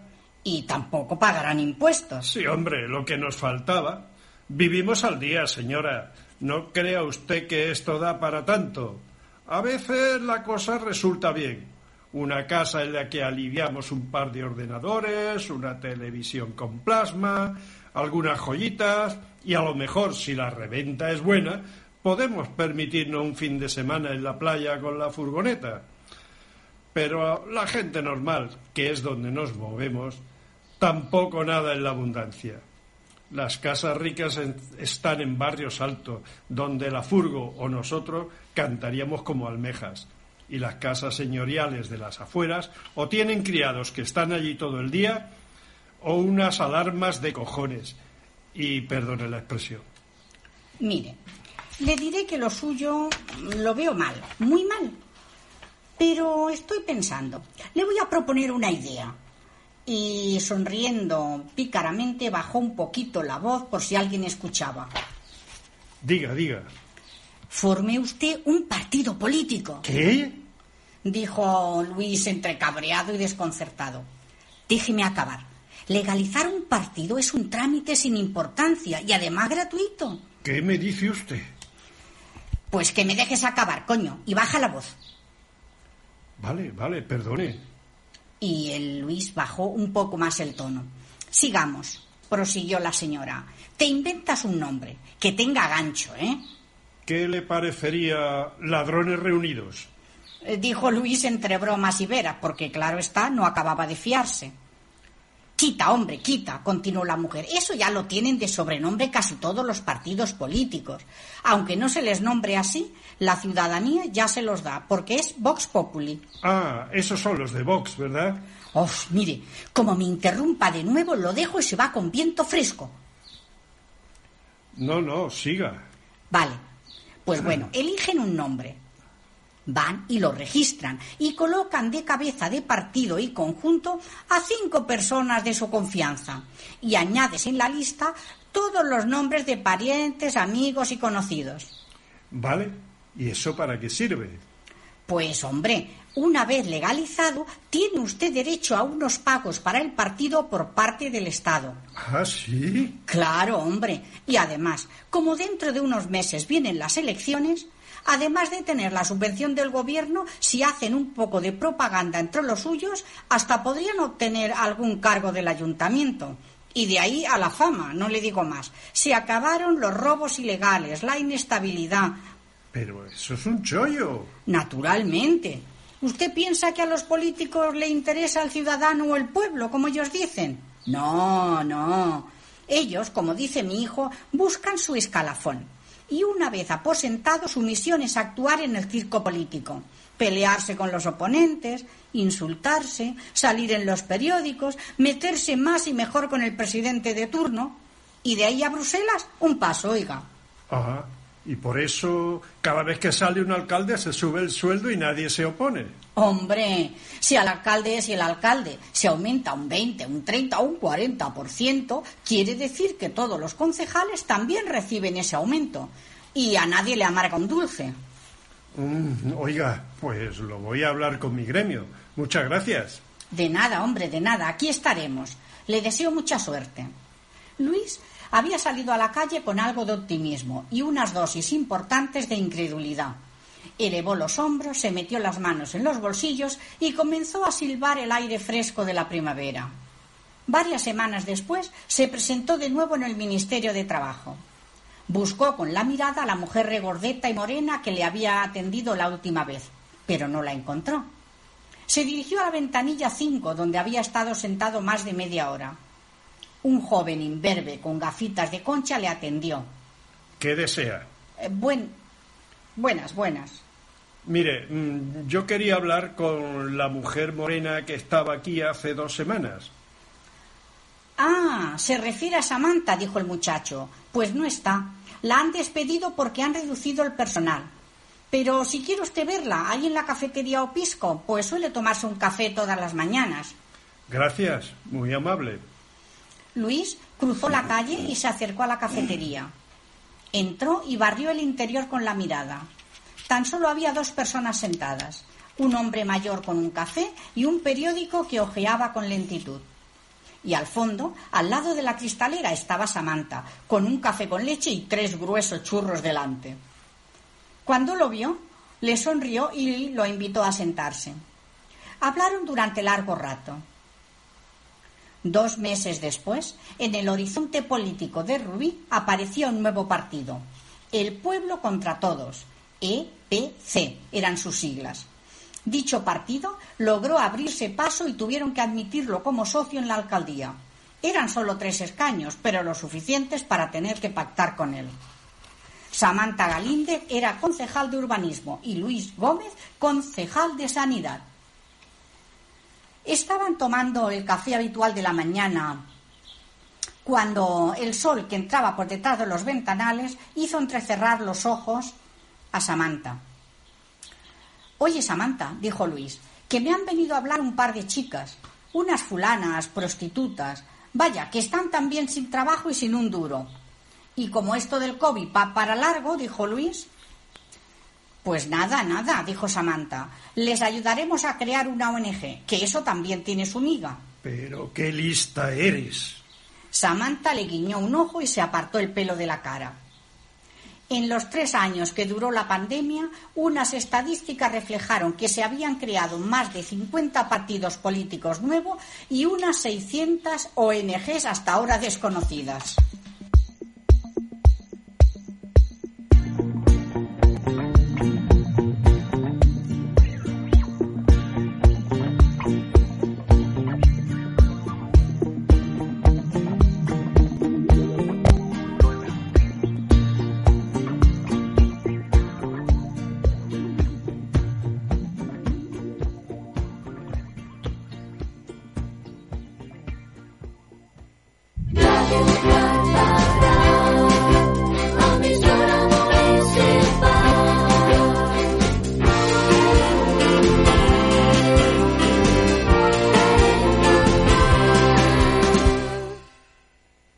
De ben a prop, el magazín d'estiu de Ràdio Barberà.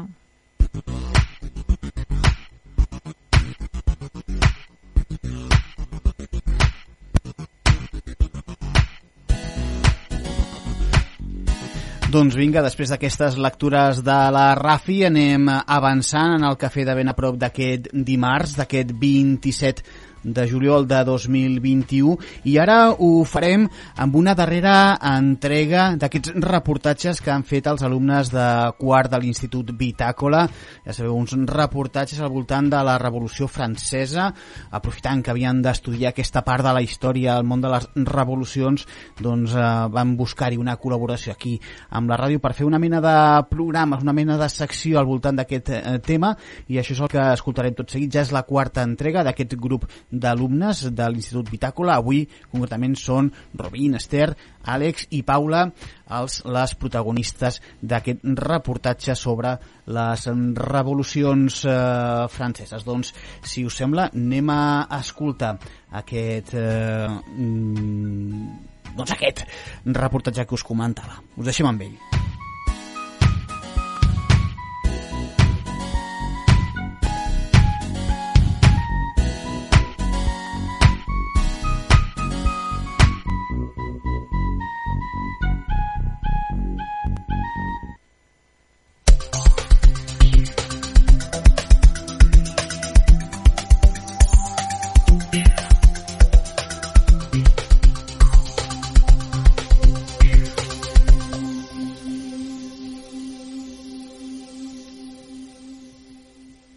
Hola a tots i totes, nosaltres som els alumnes de quart de l'Institut Bitàcola.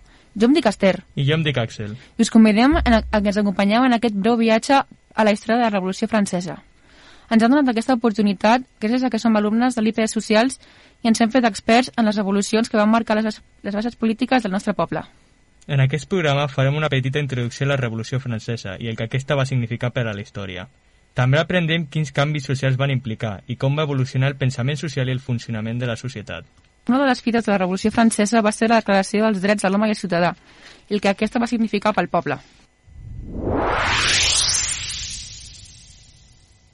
La Revolució Francesa va començar oficialment el 24 de juliol del 1789. Aquesta es considera el model de revolució política de la seva època. Va significar la conquesta del poder per part de la burgesia i, per tant, el desplaçament del clergat de les posicions de poder.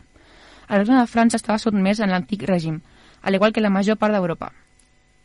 Era una època sobretot fomentada pel privilegi i on augmentaven els casos de crisi financera, fam i una forta imposició de les classes socials. Per tant, aquestes quedaven separades en dos grups. Els privilegiats, és a dir, el rei, els nobles i el clergat, i els no privilegiats, és a dir, la burgesia i els pagesos. Llavors, en aquest context, apareixen les primeres revoltes que acabarien amb l'antic règim i la monarquia absoluta de Lluís XVI. La primera etapa revolucionària s'anomena monarquia constitucional, des del 1789 al 1792, que va començar quan els membres del tercer estat construeixen l'Assemblea Nacional Constituent, proclamant la sobirania nacional, la divisió de poders i el sufragi censatari. La segona etapa és anomenada Convenció Republicana, que va durar des del 1792 fins al 1794. Durant aquesta etapa, els programes econòmics, socials i polítics se'ls sumen a l'oposició de la monarquia, generant una altra onada de revoltes i conflictes.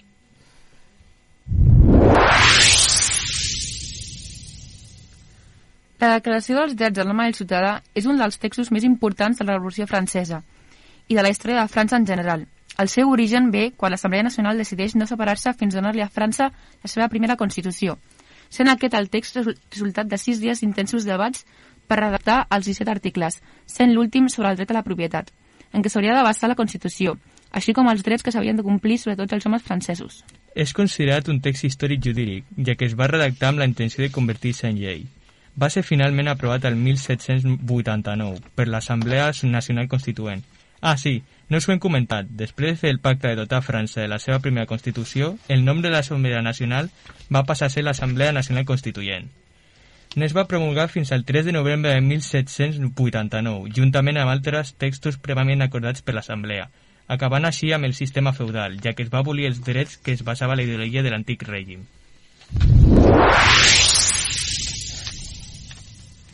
Esperem que us hagi agradat aquesta petita explicació i que hagueu après una mica més sobre la història de la nostra societat, perquè sobretot hagueu gaudit tant com nosaltres. A continuació, els nostres companys us mostraran el fantasma de la revolució industrial que encara podem percebre en els comportaments de les indústries al sud d'Àsia.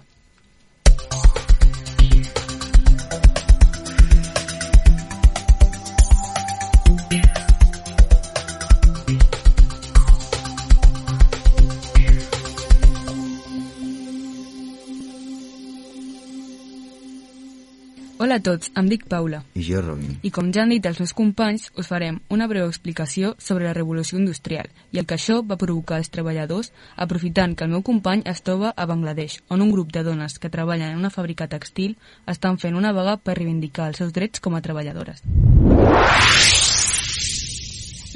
La revolució industrial és un període històric de transformacions econòmiques i socials, entre 1760 i 1840, que va desencadenar canvis sense precedents per a les societats de tot el món. Es va caracteritzar per l'ús de noves tecnologies aplicades a la producció en massa, també anomenada producció en sèrie. Les condicions dels treballadors en la revolució industrial eren pèssimes. Treballaven 12 hores diàries i de vegades arribaven a fer-ne 15. No tenien gairebé dies de descans. Els sous eren molt baixos i això provocava que no poguessin permetre suplir les seves necessitats bàsiques. I ja que en aquella època no existia el clavegueram ni la ventilació, les fàbriques eren un foc d'enfermetats greus per a la salut dels treballadors. Sona horrible, veritat, però la realitat és que en l'actualitat aquestes violacions dels drets dels treballadors segueixen succeint, sobretot en els països empobrits, on les grans empreses, la major part dedicades a la fabricació de textils, tenen molt de poder. Això provoca que els habitants d'aquell país no tinguin gairebé altra opció que treballar en les seves fàbriques, i amb això es veuen obligats a haver de treballar moltes hores en unes condicions horribles. Per mostrar-vos-ho de primera mà, connectem amb el meu company Robin, que es troba a Bangladesh en una vaga feta per unes treballadores reivindicant el seu dret de tenir un bon sou i unes condicions bones per treballar. Bon dia a tots. Com ja ha dit la meva companya, em trobo a Bangladesh, on centenars de dones estan fent una vaga per reivindicar els seus drets com a treballadores. Aquesta fàbrica ha molt poder aquí a Bangladesh, ja que és una de les empreses més adinerades. Té els seus treballadors fent la seva feina durant moltes hores en condicions pèssimes, i a sobre els seus que reben són miserables. Per això, avui han decidit no entrar a la fàbrica, fins que puguin fer el seu treball de forma segura. i que els seus superiors els recompensin el seu treball com realment es mereixen. Em trobo aquí en una de les dones que està reivindicant-se. Bon dia. Bon dia. Com et dius? Em dic Salma. Quant temps portes gairebé en aquesta fàbrica? Bé, porto gairebé 10 anys aquí treballant. En aquests anys, quant temps has tingut de vacances? Vacances? Mai. Només ens deixen algun dia de permís. I quines són les raons per les quals estàs avui aquí?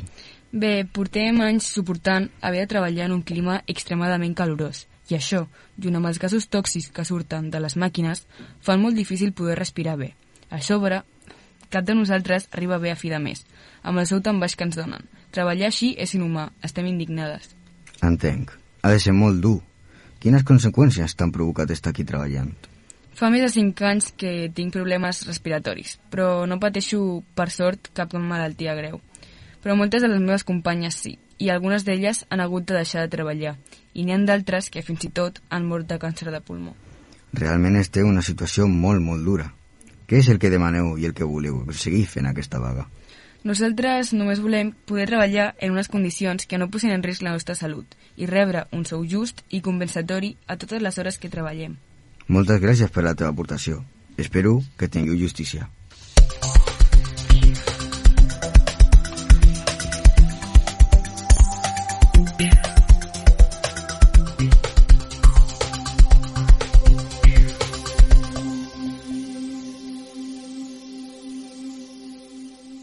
Esperem que aquest petit informatiu us hagi fet agafar consciència sobre els problemes amb els que encara es troben milions de persones arreu del món. Les condicions laborals dignes i un sou just són drets que es mereixen ser complerts en tothom, i no fer-ho hauria de ser un delicte, i il·legal a tot el món. No feu ulls secs a tota la gent que està arriscant la seva vida per conservar el seu treball. Ara li passem la connexió als nostres companys, que us explicaran coses molt interessants sobre la revolució liberal i nacional.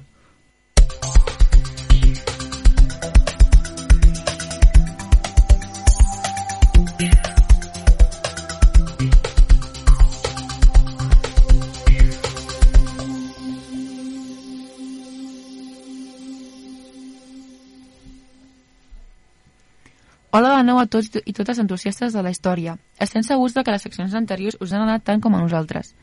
Ara toca aprendre els aspectes de les revolucions liberals i per què aquestes són- importants.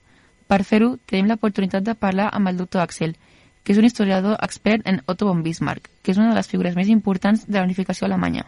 Portem tot un programa parlant sobre les revolucions que van marcar la nostra història i han fet evolucionar el pensament social, polític i industrial. Però primer de tot, us expliquem. La revolució liberal és un concepte utilitzat per referir-se a les revolucions polítiques amb conseqüències com transformacions polítiques. Ben protagonista a les finals de l'edat mèdia i a principis de l'edat contemporània. Hi ha moltes revolucions i esdeveniments que es poden relacionar amb aquest concepte. És per això que avui tenim amb nosaltres un historiador especi especialitzat en aquest tipus de revolucions polítiques i en els personatges destacats d'aquestes. Li donem la benvinguda al doctor Axel, que s'explicarà la influència d'Otto von Bismarck en la unificació alemanya, esdeveniment que també podem relacionar amb una de les revolucions liberals. Benvingut, doctor Axel. Vostè és un historiador especialitzat en Otto von Bismarck. És un gran honor que hagis pogut fer un forat a la teva peta d'agenda per estar aquí avui amb nosaltres. És un plaer que m'hagueu convidat a compartir la història amb vosaltres i amb els vostres oients. Sens dubte és un, pla és un gran plaer que m'hagueu donat l'oportunitat de compartir la meva passió amb vosaltres. Doncs bé, comencem. Primer de tot, ens hauríem de, de situar per entendre la rellevància del que ens expliques. Què és la unificació alemanya?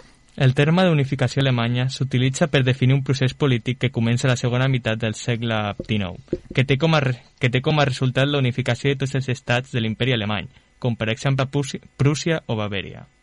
Abans d'aquesta unificació, el país estava dividit en 39 estats.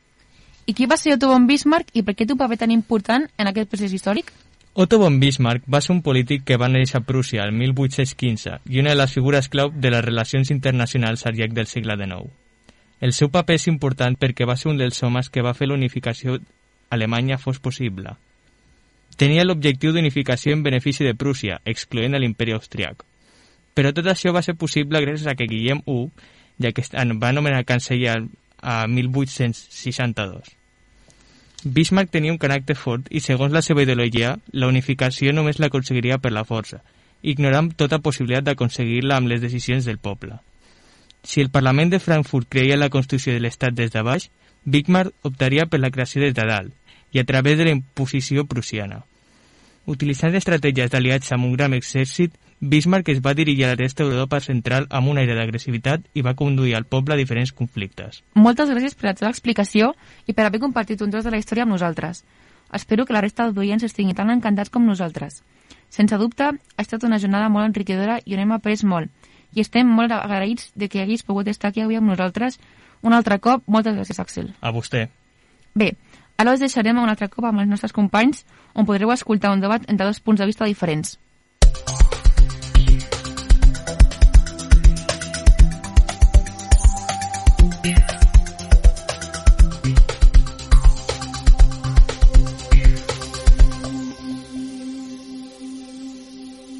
Hola de nou, jo sóc la Paula. I jo el Robin. I tot seguit serem testimonis d'un debat que dos alumnes d'institut protagonitzaran envers la seva posició política i econòmica. Bones, em dic Clara i avui intentaré convencer-vos sobre quin és el millor sistema polític econòmic per a una societat justa i funcional. Jo estic a favor del marxisme, un moviment que creu en la creació de partits polítics. Creiem que l'economia és molt important per a un bon desenvolupament de la societat i també creiem en la democràcia per acabar amb el capitalisme. Hola, bones. Jo em dic Josep i avui us explicaré per què creiem que l'anarquisme és el millor sistema polític i econòmic per a una societat lliure, espontània i antiautoritària. Nosaltres defenem l'enfonsament de l'Estat mitjançant la unió i la força del poble. Tampoc creiem en la via política per aconseguir un canvi social polític. El teu punt de vista pot sonar molt beneficiari, però realment la societat necessita algú que els guiï perquè el món no es converteixi en una bogeria. Si tothom fes el que volgués i el govern no existís, molta gent dolenta s'aprofitaria i la gent estaria en risc.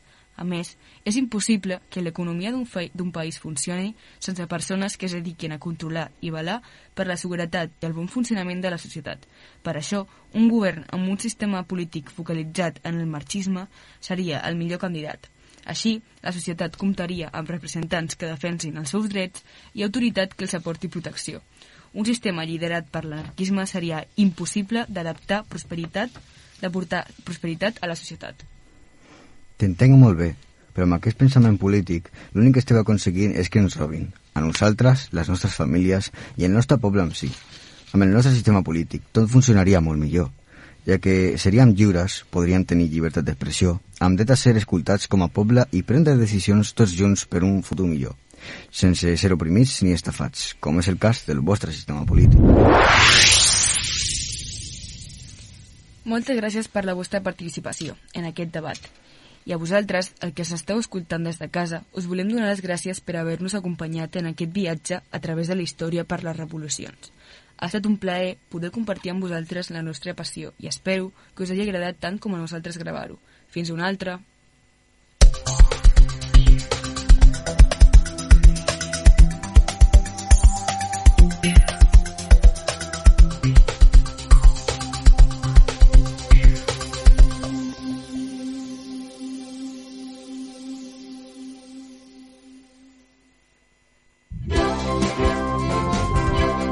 Qui som? Què fem? Quan vulguis, on siguis.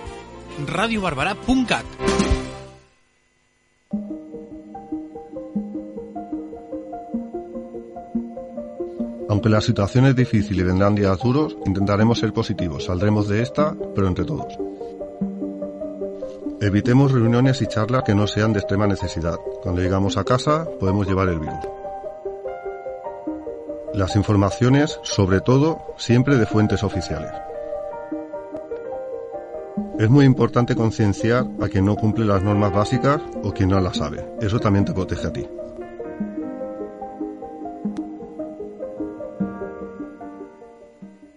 A veure, hi ha alguna icona d'una ampolla de plàstic al contenidor gris? No. I d'una llauna? No. I d'un bric? Tampoc. Llavors, per què hi llences ampolles de plàstic, llaunes i brics? Al contenidor gris només hi va el rebuig o la resta. Els envasos de plàstic, les llaunes i els brics que llences al gris no van al gris i ho saps, van al groc. Ciutadania, empreses, institucions, reciclem bé, separem bé. Amb la col·laboració d'Ecoembes, Generalitat de Catalunya. 7 milions i mig de futurs. El Cafè de Ben a prop, el magazín d'estiu de Ràdio Barberà. Avui, a la cançó de l'estiu que s'escoltava l'any 2000. Si des de la dècada dels 70 fins a finals dels 90 George Dan va ser el rei de les cançons de l'estiu, King Africa va ser-ho dels 90 en endavant. És veritat que avui en dia ja no escoltem a l'un i a l'altre tant com abans, però qui pot oblidar-se de l'estiu del 2000 amb la bomba? D'aquelles cançons que s'escoltaven a tot arreu, però que tothom estava desitjant que acabés l'estiu per deixar-la d'escoltar. Si sou massa joves i no la coneixeu, ara entendreu de què parlo.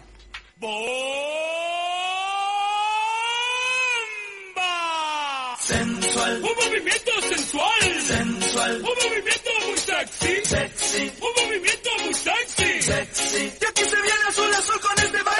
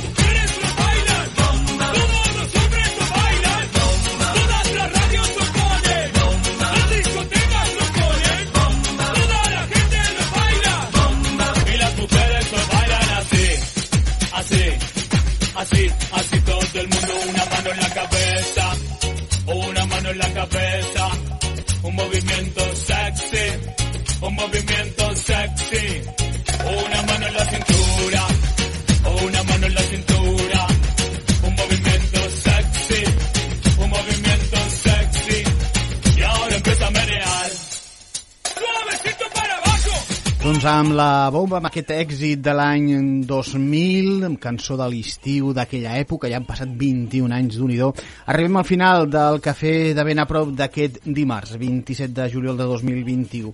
Ara us deixem amb la informació, primer el butlletí de la xarxa, 4 minutets per posar-nos al dia de l'àmbit mm, general, i després a l'informatiu proper al 98.1 Notícies amb la Judit González.